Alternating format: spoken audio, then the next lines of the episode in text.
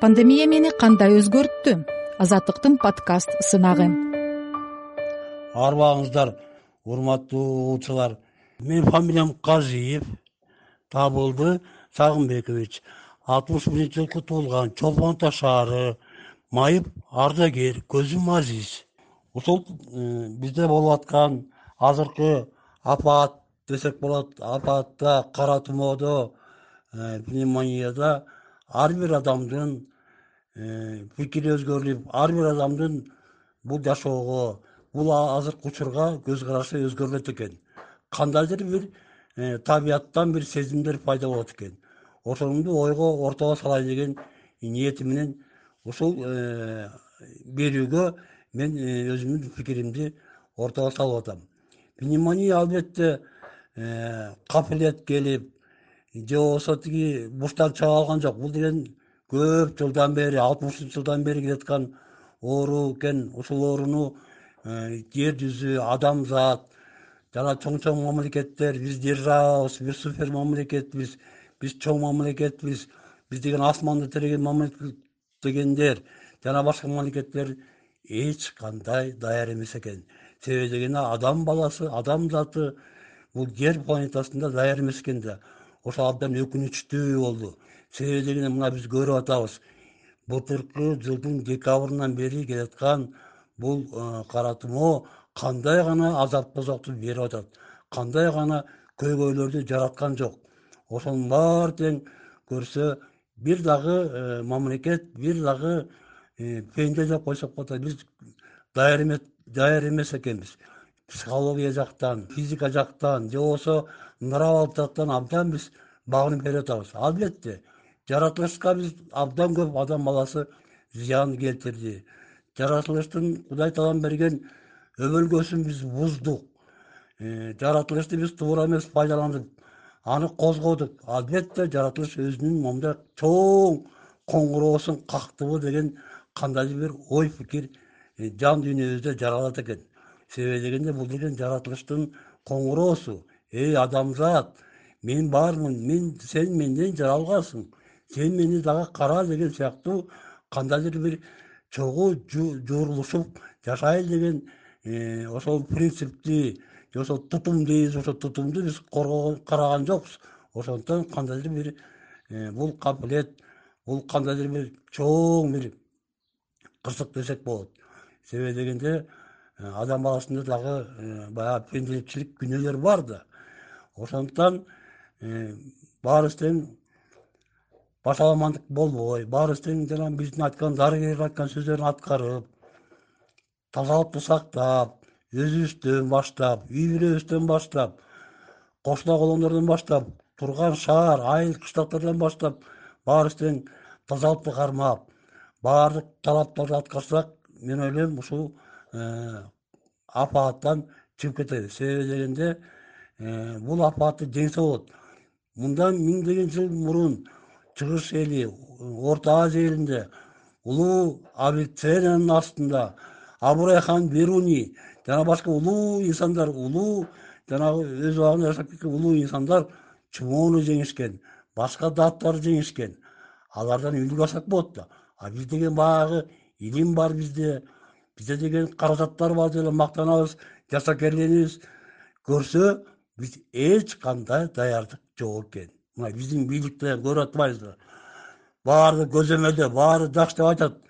Рахмат айтканыңа рахмат. Бирок бул деген жасакерлик болуп атпайбы мындай чынына караганда бизде кандайча болуп атат мына биздин бийликтегилер депутаттар каникулга чыгып кетишти бул деген сталин өз убагында улуу ата согушта немистер москвадан он жети километр калганда ал деген кетип калган эмес кетип калган эмес. А момундай апаат болуп атканда кайсы бети менен биздин урматтуу депутаттарды тыштап кетип калышты. Бул абдан өкүнүчтүү бул абдан э, кечирип койсун алар бул чыккынчылыкка барат. Эл чыдап коюшса э, акыбал ушундай болуп атса элдин өмүрү үзүлүп атса эмне себептен алар ушундайлык э, мамиле кылышат? Ал деген биздин өкүлдөрүбүз да мамлекеттеги. Элдин өкүлү болгондон кийин элдин башында туруш керек да. Кайсы эле тиги э, кол башчы өзүнүн армиясын тыштап кетип калат. Эч качан кетпейт ал. Ал биринчи армиясын ойлойт өзүнүн элин ойлойт. Андан кийин анан өзүнүн камын көрөт эң аягында. А биздики кайра тескерисинче болуп атпайбы? Анан ошондой эле биздин баягы улуу мамлекеттерибиз дүйнө жүзүндөгү мамлекеттер биздин кошмо мамлекеттер ошол жактан чыккан ошол жактын булагы оорунун булагы болгон мамлекеттер биз кыйынбыз бир супер державабыз дегендер кана алардын супер держава болгону кана алардын башка мамлекетке э, үлгү көрсөткөнү кана алардын бөлгөнү экинчи үчүнчү мамлекеттер чала өлүккөн же өнүккөн мамлекеттер алар бөлүп атышат. Кана алардын өнүккөнү биз көргөн жокпуз го. Сегиз ай болду эч кандай эме болгон алар кайра жапа чегип атышат көбүрөөк алар кыйынсынып өздөрүнүн куралдарын көрсөткөндөн көрө жана парадтарды андан көрө дары дармектерди көрсөтүп медицина каражаттарын көрсөтүп ошол менен сыймыкташпайбы мына биздеги могу жетишти деп. Куралдарын көрсөтүшөт анын куралдан азыр эч ким эл коркпойт. Азыр деген мына моундай аппараттар турат. Кудайым биздин азыр деген испан тифи деген уктап атат. Чумоо уктап атат. Холера уктап атат. Алар койгонсо эмне болот кандай болот? Ошондуктан адамзаттын астында азыркы э, эң эле биринчи маселе куралдануу эмес бири бирин айыптоо эмес. Кандай гана медициналык каражаттарды кандай гана экологияны сактайбыз жаратылышты сактайбыз деген биринчи маселе ошого туруш керек. Андан кийин экономика андан кийин калган социалдык жана башкалар туулат деп ойлойм да себеби дегенде ошого э, ушунчалык зээнгейип ушунчалык үмүт менен жашап аттык элек баардык илим бар бизде академиктер бар бизде деген Э, чоң чоң илим боздор бар деп алардын баары тең эч нерсеге даяр эмес экен да. Ушунчалык зээнгейип ушунчалык кандайдыр бир э, борошон басып жан дүйнөбүзгө борошон басып абдан мындай баягы болгон стимулубуз же болбосо өрөлгөбүз ушунчалык муздап калганын мен абдан кейим да анан кандайдыр бир сатып алсак болбойт. Э, өзүбүздү өзүбүз кармайлы албетте.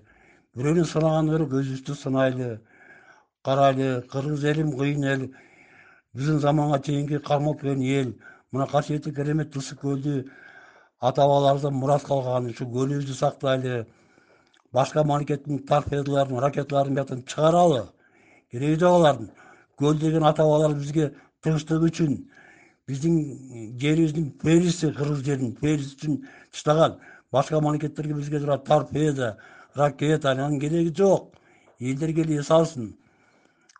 Коноктор келип эс алсын деп көлдү бизге ата бабабыз мурас таштаган кел ошону сактайлы таштандыларды тазалайлы бири бирибизди карайлы жан дүйнөбүздү тазалайлы анткени жан дүйнөбүздү кара ниеттер. Катмар катмар болуп басып кетти го. Ошонун баары тең бул пандемия мен ойлойм улуу коңгуроо жаратылыштын коңгуроосу адамзат койгон деп баарыбызды ушул э, жаратылышты коргоого чакырып атат. Себеби дегенде биз жаратылышка тиешелүүбүз жаратылыш бизге тиешелүү жаратылышты биз сакташыбыз керек. Жаратылыш бизди жараткандан кийин биз жаратылышты биз коргошубуз керек. А биз эмне кылып атабыз? Талкалап атабыз бөлүп жарып атабыз айырып атабыз кайдагы бир самолетторду кайдагы бир тиги атомдук бомбаларды ойлоп таап атабыз анын эмне кереги бар. Аны менен мактанбаш керек. Азыр деген биздин ар бир мамлекет жетекчи мына менин элимдин ден соолугу бийликтикте турат. Менин элимдин курсагы ток деп ошо менен сыймыктаныш керек. Анан кайдагы куралдар менен анан кайдагы ракеталар менен мактанбай. Ал деген болбойт азыр деген уже ал өтүп кетип баратат. Азыр куралдар деген тиги бешинчи алтынчы гана маселе болуп калды азыр ден соолук экологияны кармаш керек. Баягы илгерки биздин ата бабаларыбыздан таалим алалы. Мына дагы бир жолу кайталап кетмей мына улуу авиценнабыз тазимыбыз керек. Ошол кезде эч кандай билим мынчалык деңгээлде билим жок илим жокто. Алар элин сактап калган элин сактап калган. Тилеген орто азия чыгыш элдерди сактап калышкан чумоодон. Эми карабайсыңарбы а биз эмнеүчүн сактай албайбыз. Анткени бизде деген баары тең жасакерленип биздики баары тең ой пикирлер башка болуп калганда абдан зээнгейип дагы биз адам баласы эч нерсеге даяр эмес экенбиз. Биздин ата бабаларыбыз бизден алда канча кыйын алда канча канийеттүү алда канча акыл эстүү илимдүү билимдүү экен да көрсө.